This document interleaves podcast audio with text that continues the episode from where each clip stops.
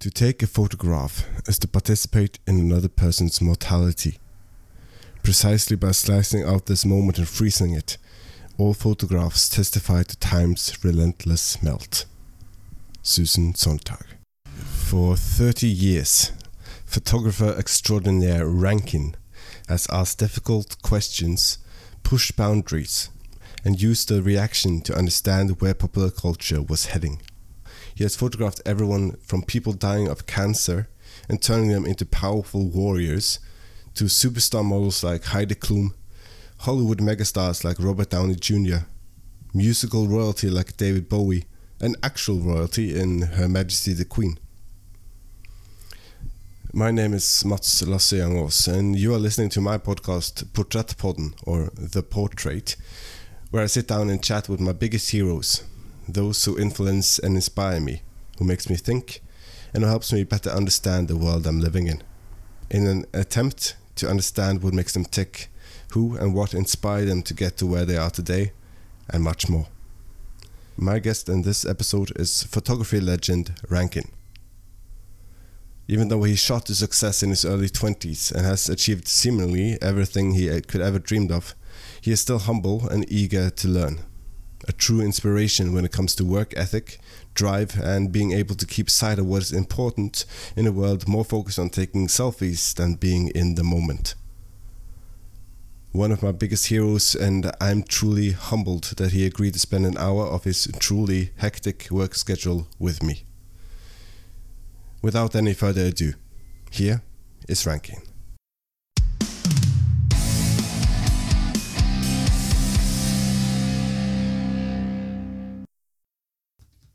I'm good today, thank you. I've just um, got back from a walk, so I'm a little bit hot and sweaty, trying to fit everything in. Uh, but yeah, I'm good, thank you.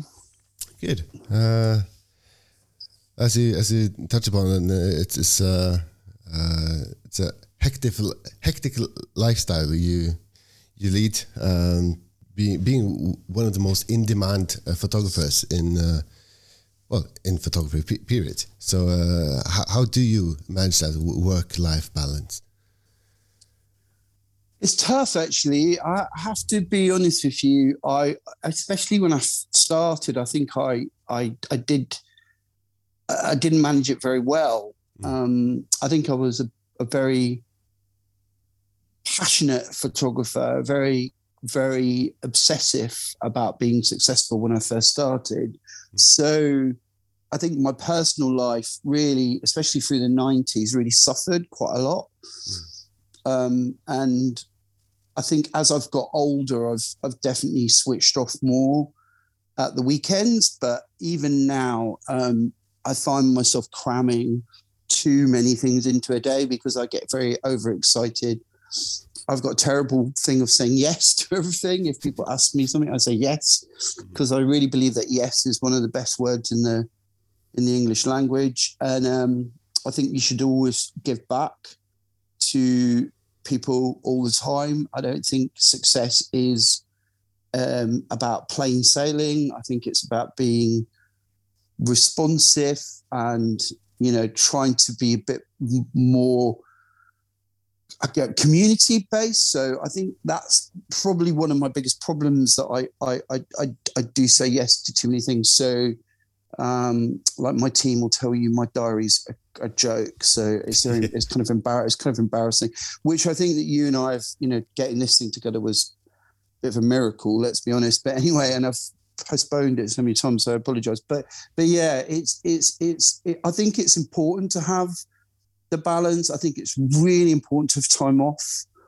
so i've i give myself at least two days off a week now and um, i tend to do literally nothing on those two days. And I think that boredom is very important to being creative. So yes. you need those two days to reset and to be bored, and so your mind starts working.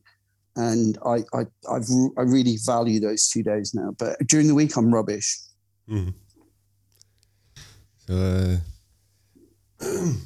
you don't take that uh, uh, great success for, for granted, then don't ever take anything for granted. Don't rest on your laurels ever. I think anybody that does will find themselves losing the success that they've achieved. And, and I really believe that. And I think also I was brought up to be a hard worker. So I tend to kind of put a lot of effort into everything I do. And um, I love working so much. And I, and I, I especially as I get older, I really value um, how, uh, you know, what, what I've, where I've got to and what I've been able to do in my life is really a gift, you know. So um, I think that the, the, the more work I put in and the more I don't rest on my laurels, the better. Mm. You got into the this point now where, where everyone knows you by Rankin, like yep. Madonna. maybe, maybe, a bad, bad comparison, but uh, you, far, far, I'm far less attractive than Madonna. that, uh, uh, that's your words, not mine. Um, but uh, so did you ever, ever have that uh, moment now when you've gotten to, to this, this great point in your professional life where you, you still have to pinch yourself and going, uh, I'm oh, yeah. shooting celebrities here? Of course, yeah. No, I mean, also, I've never really been one of those photographers that's become best friends with the celebrities. So I've kept my personal life at quite a distance from my public life. And I think that that means that I still have my feet, I surround myself by people that don't put me on pedestals. And um, so I've got lots of, um, I've got lots of people that are very, hopefully very honest with me. And I've got lots of of people that tell tell me that you know tell me the truth. Mm. Uh, devil's advocates, you know, I, I think I, I, think devil's advocates are a very important part of anybody's success. Mm. Um, and I think that because of that, and because I don't have lots of celebrity celebrity friends, and I don't go to lots of parties and all of that stuff, I think that it still excites me to do what I do because I feel like I kind of, I feel like I've, and it's a bit of an imposter syndrome mix with, I feel like somebody that snuck in to, you know, the best, best job in the world and where I've got a front row sort of uh, experience of amazing things, and I'm still kind of looking over my shoulder, going, "When when am I going to get chucked out?" and um, and I think that's a health that's healthy. You know, I think it's it's healthy to have respect for who you're shooting, to not ever take it for granted. You know, I'm all surprised when people want to work with me still. Um, so yeah, I think, but that's pretty much, I think my upbringing, I'm, I'm originally from Glasgow. Mm. My parents were very working class. So this idea of, of not putting people on pedestals and not being put on a pedestal is really important to me. So, um, and I think you can see that in my, my work as well. Like if you look at the photographs, I treat them as people. I never treat celebrities as celebrities, but but but I don't ever disrespect the fact that I'm I'm I'm doing something I love. Mm. my parents actually said to me when I was young, um, which I really remember. My mum said it, but my dad backed it up. Which, if you do something you love, you never work a day in your life. So. Yeah although I do work very, very hard um, and I like working hard, I love what I do. So it doesn't really feel like work. It still feels quite exciting. Yeah. So you still uh, haven't got to the point where you, you sit in your, your office going, all work and no play makes Rankin a dull boy. No, I did a lot of playing in the nineties, and I and I'm and I'm glad I got that out out of my system. And um, not that I regret any of it, but but I I definitely ha- I had a hedonistic lifestyle in the nineties and um, having a child in ninety seven, sorry ninety six was um, was a big thing. Um, I got married in ninety five and had a, had a kid in ninety six, and I think that helped me sort of balance my life. Um, and I don't know where I would have been if I hadn't had that in my life because I was definitely going down that hedonistic wormhole. Um, and that kind of allowed me to stabilize a bit more. And I'm really glad that um, obviously I'm so proud of my kid, but but also just that balanced me up and made me more of a family person. And so um, I got lucky in a way with with that. And but yes, uh, all, all, all work and no play doesn't really account for it. You know, no play means not playing tennis or not taking the dogs for a walk, and that's my that's what I really enjoy. And I think because of that, I'm quite boring in a way. You know, so like uh, people say to me, "Would you would you write a um, a biography?" And I'm like, I just don't think I'm that interesting. you know, I'd read it. Oh, thank you. Well, that's that's one sale we've got. I'd rather I'd rather write something like I'll just let my dog out. Sorry. Hmm. I'd rather write something like um, I'm actually doing a book at the moment with a collaborator where and it's called Setiquette, and the idea is to kind of give people an understanding of what it's like. Now everyone's got a camera, everybody wants to hmm. take photos or be a, a director. Um, I wanted to kind of give people a guide to help, a helping guide to what it's like to be on set and what to expect and what to not expect. Because a lot of kids come on set and they don't really know the etiquette of the set, you know. So um, we're calling it Setiquette, and I hope hope hope to have it out sort of within the next year. But that's the kind of book that I think is more interesting, or kind of more of a kind of philosophical book on creativity or you know how to be creative. Like for me as i said boredom is so important mm. and reading. I read a tremendous amount and i and i need to be bored. And the two things are what sh- sort of spark things in my mind. Like reading i never read about my discipline. I always read out of my discipline mm. um, out of the genre that i've chosen. And i find myself really inspired by reading, I don't know, some something about philosophy or something about history, you know. So and those things are what inspire me, and and there's where my ideas come from. Always, they don't come from Instagram or Google or reading about other photographers or looking for although i do have a massive photo book collection but i don't go there for my inspiration i go to uh, i go to written books or documentaries maybe mm got a, a quote here. Um, might be misquoting you, but um, oh, uh, quote is then at least uh, photo uh, photographs are a lie, and I try to be honest within that lie. yeah, yeah, I still stand by that quote, yeah. and it is it is my quote, and I think what I'm getting at is they're subjective. So, mm. you know, all the all the things you can do with photography, all the techniques you can use, the framing, the lighting. It is it is about creating a moment. Um, a lot of the time, um, some people think that photography is about just you know pressing a shutter, but mm. actually everything that goes with photography, everything that goes with making an image, is uh, a lot of it, especially with the photography I do, is is a fabrication. You know, the lighting, you know, like I will light sometimes this far, that far away, you know, which is like five inches, six inches away from the person. Mm. You know, that is, you know, you're never very in that situation where you're lighting that close to someone. So, and that enhances lots of things uh, in terms of the face and creates, you know, almost a sculpture. Um, so, you know, that's a lie. But but what I meant by the honesty was that I'm looking for emotion and I'm looking for connection.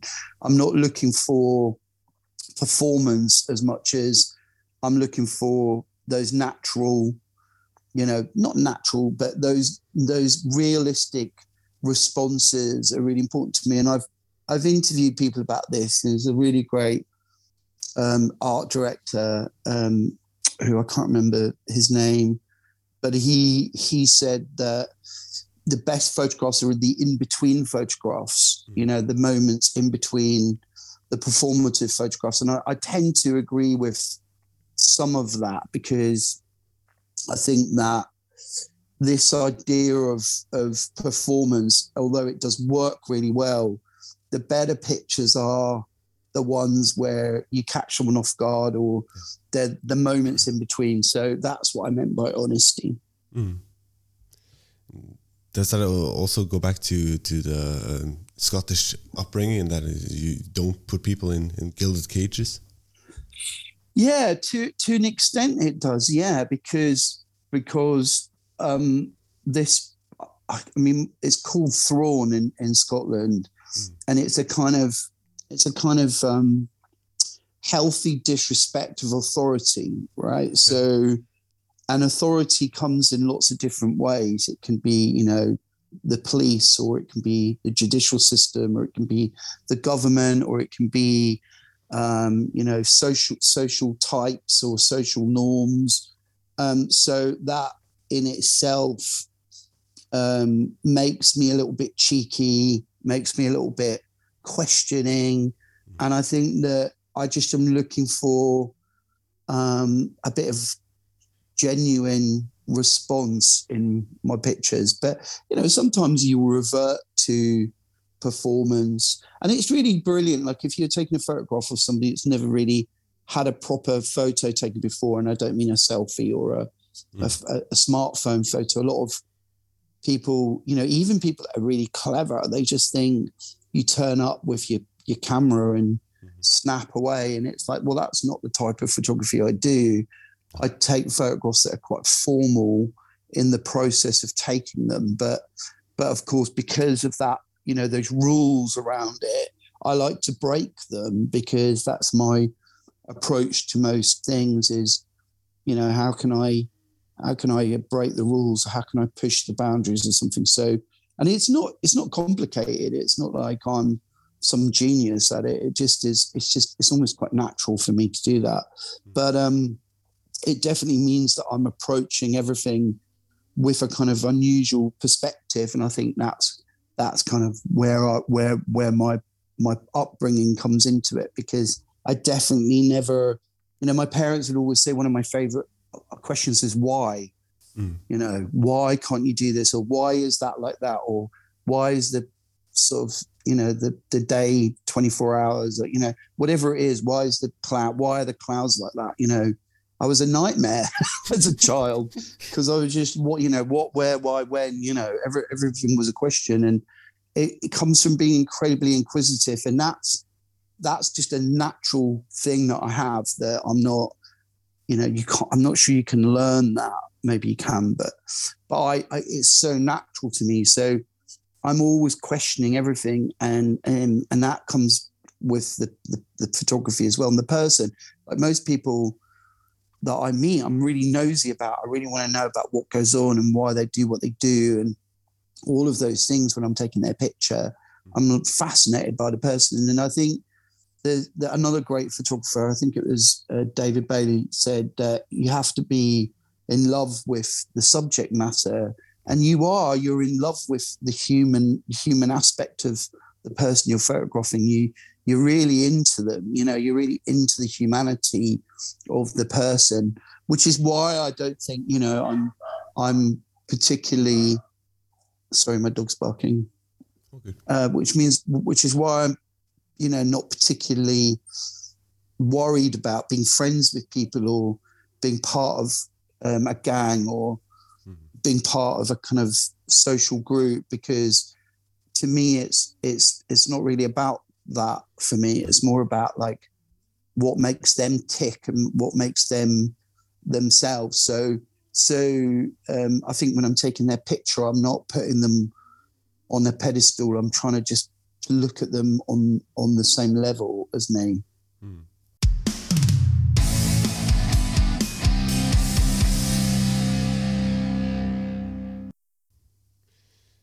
So let's ask a, a why question then. Um, why? Yeah.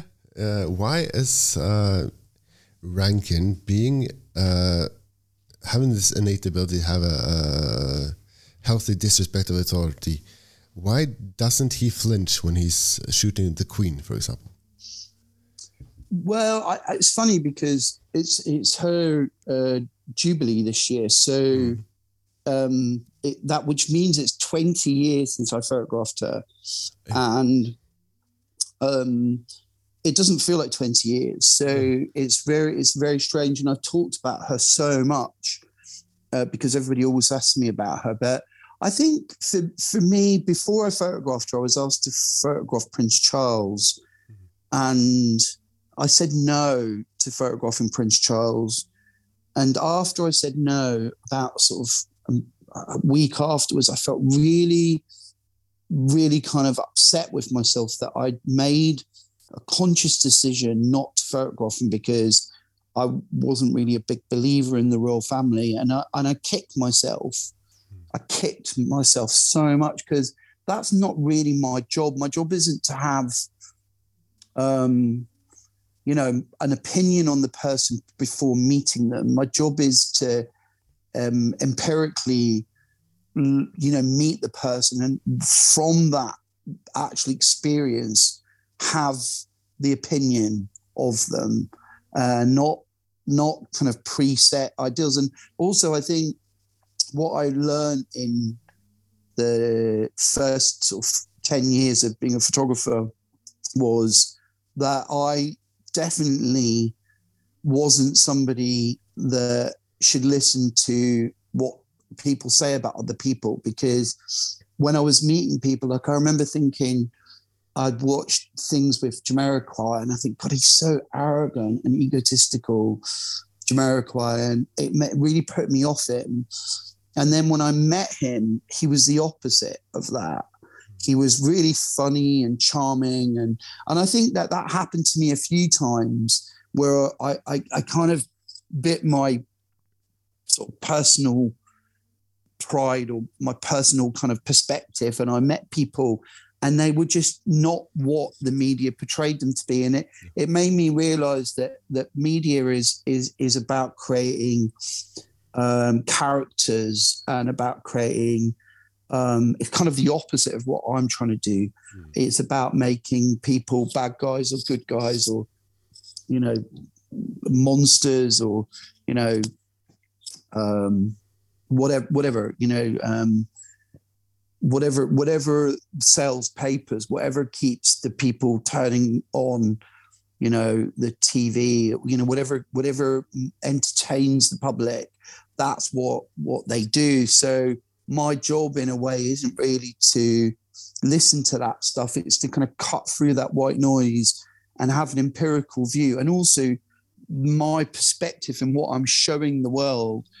And this gets a bit sort of weirdly deep, but you know, photography is this incredible thing where you can, you know, you can show the world what you think of the world through photography because it literally is a represent- representation of what you're seeing through the lens, what you're capturing. And whether you create that or you capture that or whatever it is, whatever whatever techniques you use, you're showing the world what you think and see of it. And it's an amazing, incredible art form because of that. So when I realized that, um, and I really kind of it clicked in my head. I was like, you should never say no to a commission of somebody that you find really fascinating, you know, and whether you like that person or not should not come into it.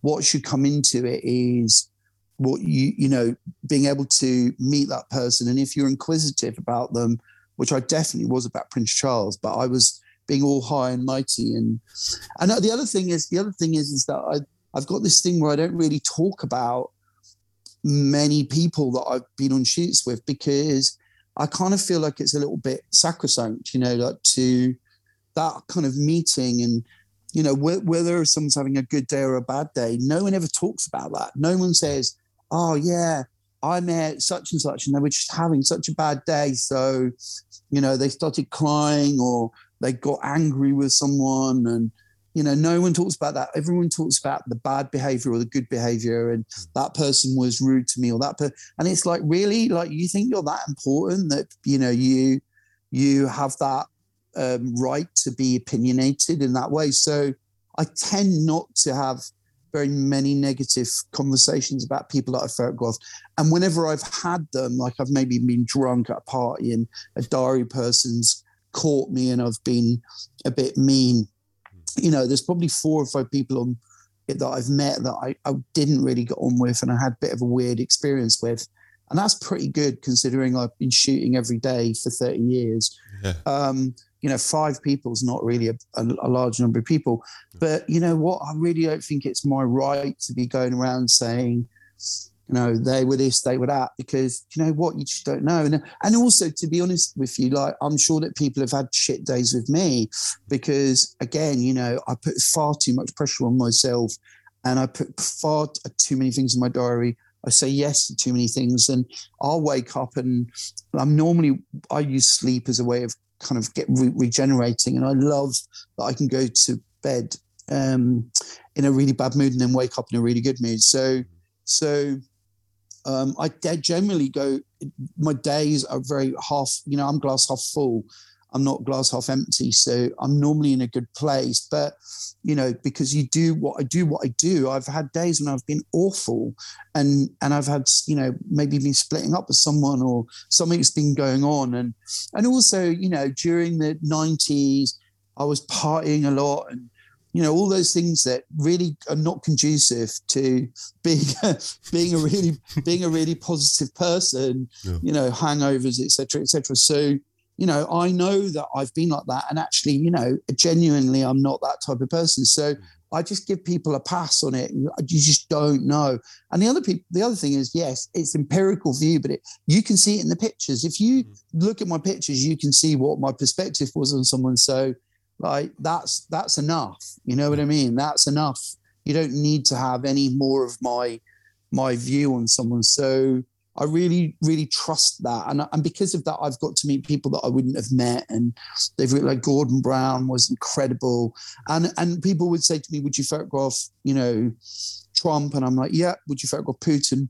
Probably, yeah. I mean, even though I really disagree with everything that he stands for, I think to be able to have that ability to show the world what my perspective was, is on him is is a positive thing. So and um and that's you know it's not that it's a it, it's a gift to me. It's not a gift to the world, but it's it's it's something that I think I'm not bad at, and I think I'm quite good at being able to show the humanity in people, and I think that that is a really positive thing to be able to do. Mm-hmm. Victorians, not to bring it too far back, but they, they always thought that uh, the eyes were the windows to the soul. That uh, the last image you saw were imprinted in in your eyes. Um, so uh, not, not, to not to uh, bring it too too too far into technicalities or or yep. romanticism, but uh, but uh, uh I feel at least when when I uh, look look at your your your pictures that you you, you have this innate ability to bring the best out of everyone. If it's Hollywood, well, that's very or, nice of you to say that. Um, I don't. Yeah, I mean, it's it's not it's not something that I'm. You know, I'm not looking at it. I tell you what. I tell you how I look at it. Right. I want to take the best picture I can take of anyone mm. that that anyone's ever taken, and I'm really competitive about it. I'm really competitive about wanting my picture to be the picture that sums up that person. Mm. That when people think of that person, they think of my picture of them. And I think most photographers, portrait photographers, are like that. They they're looking to encapsulate the human person and that picture to be the iconic image. But then I just can't help myself but be a bit more mischievous, you know, in in in and be and be kind of more human about it because I've got this thing which is to be, you know, to ask the more difficult questions or I always think I'd really have a great like um, I'd, it'd be a really great talk show or you know a TV series to do a portrait whilst I'm asking questions because the lens is such a it's such a kind of it it, it dissolves barriers. It, it pulls down these amazing sort of things that defense mechanisms we put up and you know, I would say at least 60, maybe 65, 70% of people that are photographed tell me stuff. And, you know, w- within that context, I think it would make a fascinating, um, you know, and also I don't ask generally the kind of more mundane questions. So I think that that's what's going on in my head, and because of that, you you know what you're feeling is this genuine, authentic love for that person and interest in that person. And and i think that they can feel it too. So um, it took me ages to realize that that that that was unusual. You know i thought oh this is just what everybody does. Yeah. um, and um, but at the same time you know the reason i'm not a documentary photographer is because one of my f- girlfriend's friends um, when i first started taking pictures she said you've got this ability to make me feel like the most important person in the room. And mm. and that is such a kind of unusual thing to be able to do. And i didn't know i, I didn't know i had that until she said it. And then once i kind of knew i had it i was like well i can use this in in portraiture which i can't use in documentary. Like i would i would love to be don McCullin. I would love to be you know w eugene smith or one of the life photographers. But but um um you know my i guess my ability is to kind of be really fascinated by and it is that it's not you mm. know that's really all it is. It's not any special power like witching power i've got. It's like it's just i'm really fascinated by people. I like humans. I like this is why i say yes to things so i love the interaction.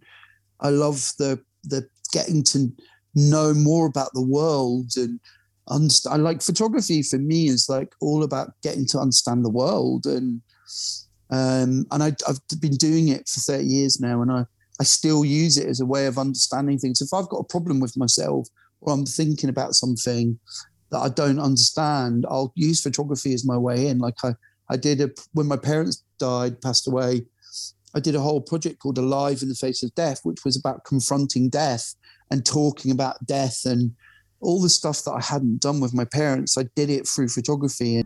When you take a photograph, in that moment that you click the shutter, you're capturing life. It's a memory that you've made of somebody.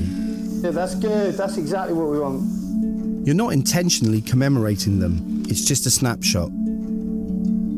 But when that person dies, the photographs become something else. Suddenly, they have a potency.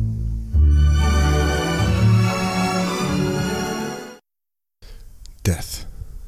We can deny it, and medicine can delay it, but it's life's only certainty. Despite this, it remains the ultimate taboo in British uh, as well as in Norwegian society. In Alive in the Face of Death, photographer Rankin set out to explore and challenge our perceptions of death. Through his lens, the stories of those touched by death are revealed. They included people living with a terminal illness, those who have faced death and survived, and those who work within the death industry. Rankin's powerful series was exhibited at the Walker Art Gallery and developed by BBC North and BBC Two's The Culture Show in the form of a documentary, capturing both the artistic process and emotion in telling such a story. But not only that, it's one of the most harrowing and emotional pieces of art I've ever seen and the way Rankin treats his subjects with such care, and the way he's able to to break through the surface of their illness or what they've been through and get to the core of the human being th themselves. It's really awe-inspiring. You know, that's the my way of dealing with stuff. So it's very it's very selfish at the same time, but but it's but it's but it's really just a genuine sort of fascination with people. And, and being in in a uh, setting where, where your picture is is being taken, and uh, especially when it's someone like like you behind the lens, someone uh, with such a, such a, a great and well earned uh, reputation, uh, one can easily get uh, a bit nervous. I mean, I have the ability to to break any lens I look at, so. so, so how, how do you uh, bring your subjects uh, at ease then? So so it looks so so so uh, um, I think you know there's th- this goes back to the book's etiquette like so mm. people ask me this a lot how do you make people feel comfortable? And one of my favorite things to hear is I was actually doing a podcast with Twiggy the other day, and she said the difference between your studio and other people's studios is it's very welcoming, and people are very warm and friendly, and they want you know to make sure you're okay, and and I think that kind of um, caring, you know, about how someone feels when they're in that very microscopic situation of being in front of a, a lens i think is is the best way to make people feel like they can trust you and that they can feel confident in your hands. And and also i collaborate. Like i i'm i love digital not because technically i think it's better um although i do think it's better but because i can show people what i'm doing you know? So i take the pictures and then i let the person be part of if not ru- run the editing process because when you let someone be p- part of it to that extent you what happens is you get them feeling and trying to look their best but they're genuinely looking for the thing that looks like them. You know they don't want to most 99% of people don't want to look like someone else in front of a portrait. They want to look like themselves. And one of my favorite things when people talk about um you know what, a picture looks like they, they say it looks like me. Mm. you know that photo looks like me. And i kind of i guess that's that kind of thing where i'm looking at them and seeing how they i want them to look their best but at the same time they're giving me something you know? So and i don't I, I guess you could go back to the to that idea of victorian idea or maybe it's a kind of empire concept of stealing someone's soul Mm. i feel that that they're lending me their soul in the picture. Um and i think that i really respect that. I don't think this is mine. It's a bit like not sort of talking out of turn about someone. I feel like we've done something together. It's a collaboration. And and i genuinely believe that it's a collaboration. I'm not just saying it. I'm not just pretending it's a collaboration. I'm like look you're giving me your time you're giving me your image you're giving me everything to be able to create a, a, a perspective on you that I think is mine.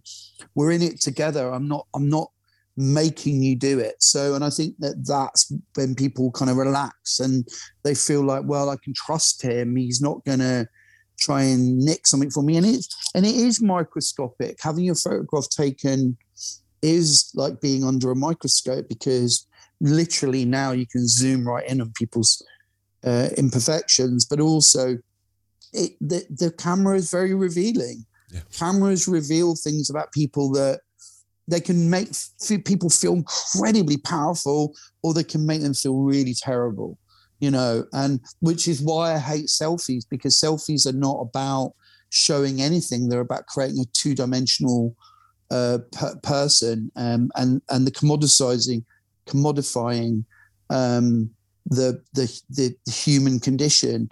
And also a lot of the time looking like someone else, whereas the portrait is a, a real portrait and even a self portrait is about showing something about someone that is revealing something about themselves. And and people are very very that that's the mad thing. They reveal more about themselves when they're collaborating with you than when you're trying to push it squeeze it out of them. So um, you know, that's how I make people feel comfortable because I'm trying to do that all the time.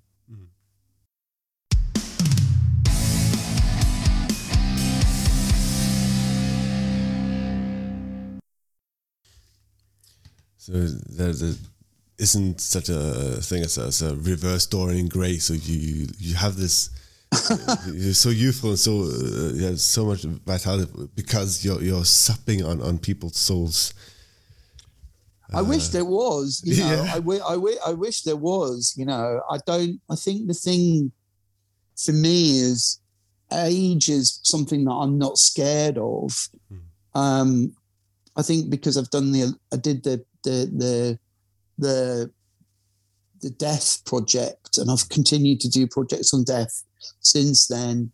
I think that age isn't something that Um, I'm looking in the mirror, wishing that I was younger. I kind of the thing that I miss about being younger is the naivety of it all. Mm. Um, you know, the the the thing that I really am sad that we've lost is this is this ability to, you know, be bored and you know we, we it's so easy not to be bored now. It's so easy to be connected all the time and uh, and although I've enjoyed a lot of what has come with the digital revolution.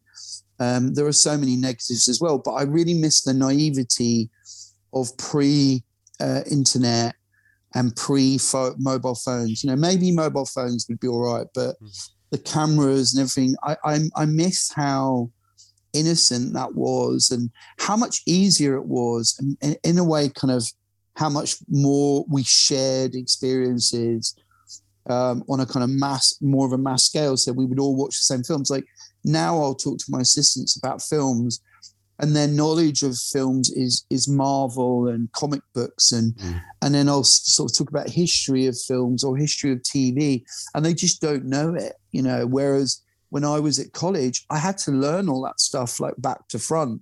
I had to learn all the photographers from A to Z, like I wanted to. I was I was desperate to have that knowledge so that I could be the next stage of that mm. development.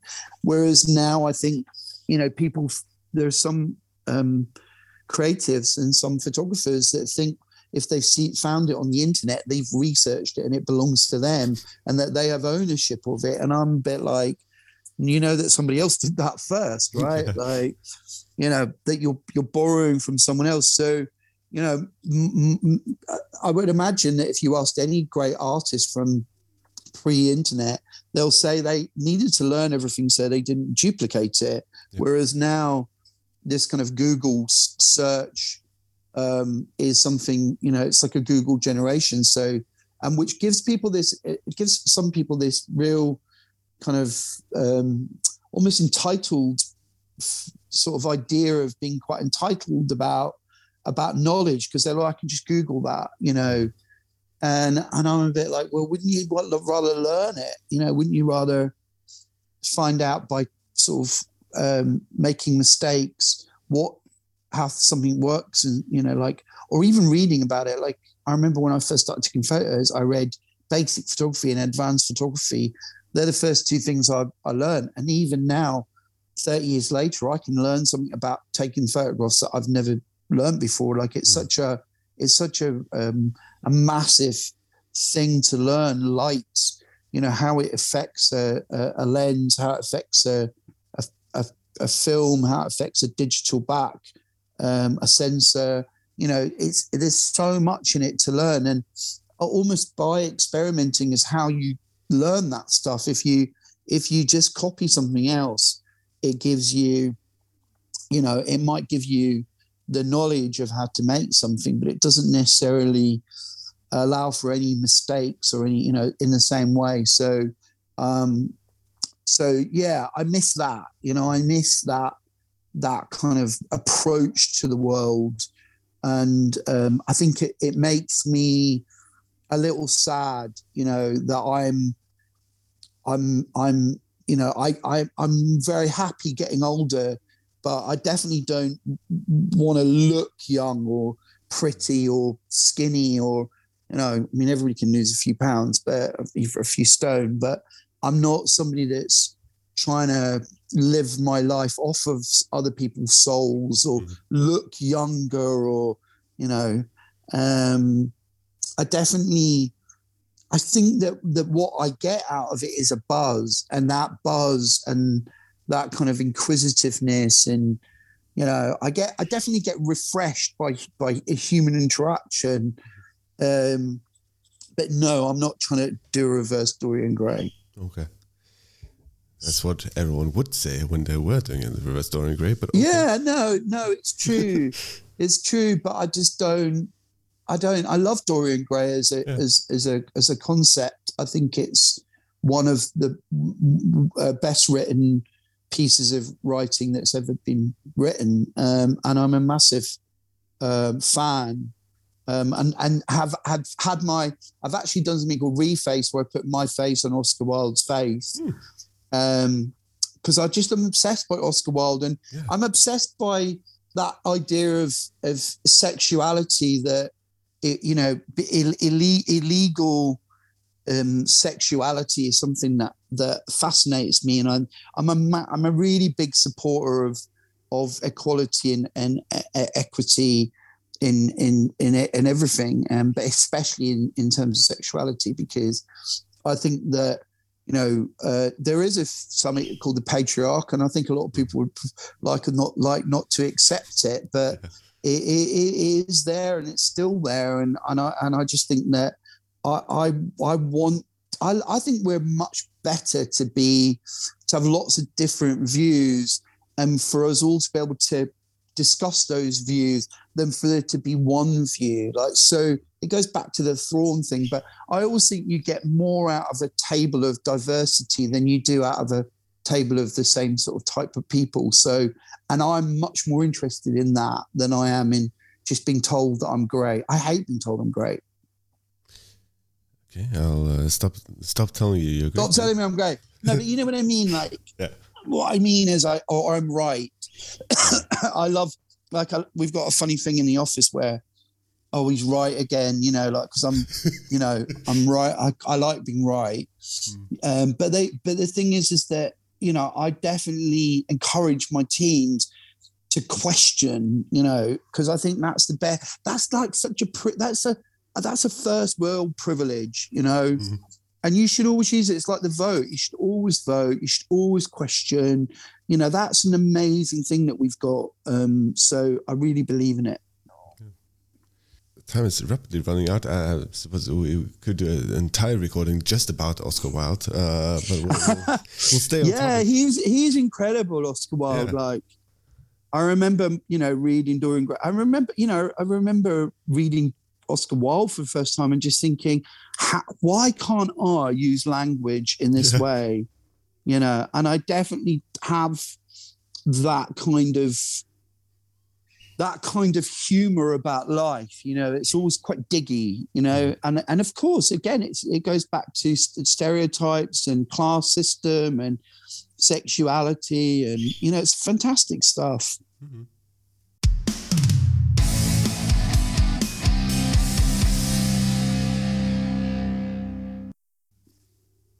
Photography is is is, is um, well, in most cases, a, a meeting between photographer and and subject, and being together and creating a, a, a moment and yeah and solidifying that in, in, in time. But, but uh, we are still in, in the grips of a of a worldwide worldwide pandemic, and with society slowly opening up again, uh, how is um, how has that pandemic uh, affected your work? Because, as you say, you're a workaholic. You you constantly say yes to to new projects.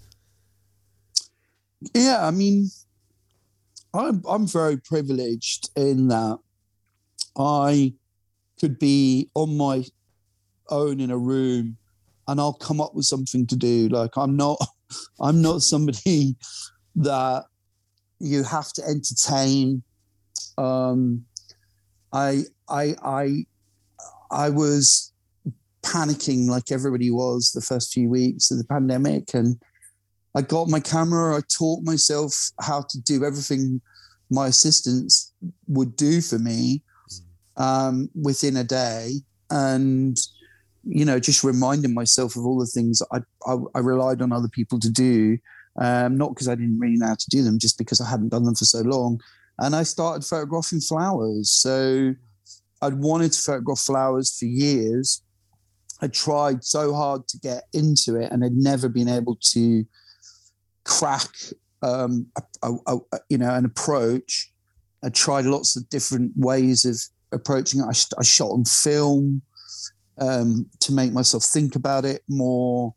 I tr- tried Jeopardy, where I put you know vases on the corner of plinths and with the flower kind of looking like it was toppling. I tried to. I've been thinking about blowing, you know, flowers up. Um, I thought about doing um, you know, casts of them, uh, paint on them. I thought about loads of ways in. I couldn't get in, could not get into it. And I was really kicking myself because it's one of those things that I've been doing for probably five or six years before the pandemic hit. And then um, stuck in a room on my own yeah. and, you know, no one else is there. And, you know, what's your, what's the way in? And uh, I think being on my own in that room with the flower, each flower, I started to give them a character and I started to give them a personality and I started to talk to them. And I started with like dried flowers that I were dying around my house. And I thought this is such a, a visual metaphor for what I'm feeling. And they became my my way in. And you know, I was using daylight through my south facing window in my spare room and I was taking pictures that sometimes were 10 seconds long.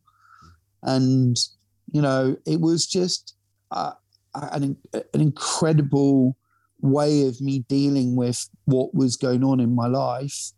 And because of that, because I'm privileged in the sense that I can do something like that, um, it was what saved me, and it's uh, it literally got me through it. And it and, and you know at the end of it, I had this body of work which I'm super proud of because I sort of started it from scratch, you know, and by the end of it, I did an exhibition in my in my studio, and people people would come in and say, you know, how was the pandemic for you? And I went, well, I did this, you know, and um, and it's like, you know, about 500 photos on the wall. So, um, and and photos for the first time that I would put up. You know, I would mm-hmm. I would easily put some of those pictures up around my house because I liked them so much as pictures. They almost kind of took on a life of their own. So, and that's not to be arrogant at all. It's like I'm really, really not being arrogant about it. I'm just going.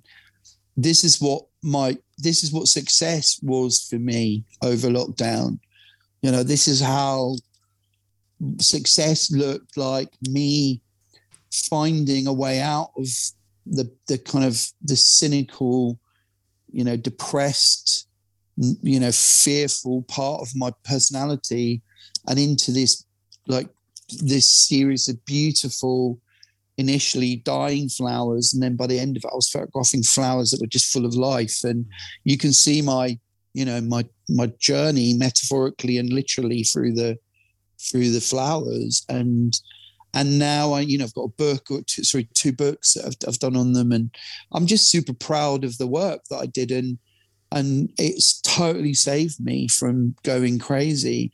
So um but I, t- I never take that stuff for granted. So um, I know how privileged I was to be able to do that, and also to be able to have a house that I could do it in. You know, because some of the people that work with me, they were in like one bedroom flats, or they were in a in a in a share and going crazy with their flatmates because they just didn't. You know, it's just it, there was no outside space. Whereas I had an outside space, had a garden, had flowers, and the garden had my dogs. So um, it was a real i was really privileged in that but um, that was my approach to it. And then from that i think you know did it inspire me? Yeah it totally inspired me to do more projects. I haven't started them yet but i, I definitely have them in me. Yeah 100% and this goes back to what you said in the beginning. You always always have new projects in you. You haven't started them yet.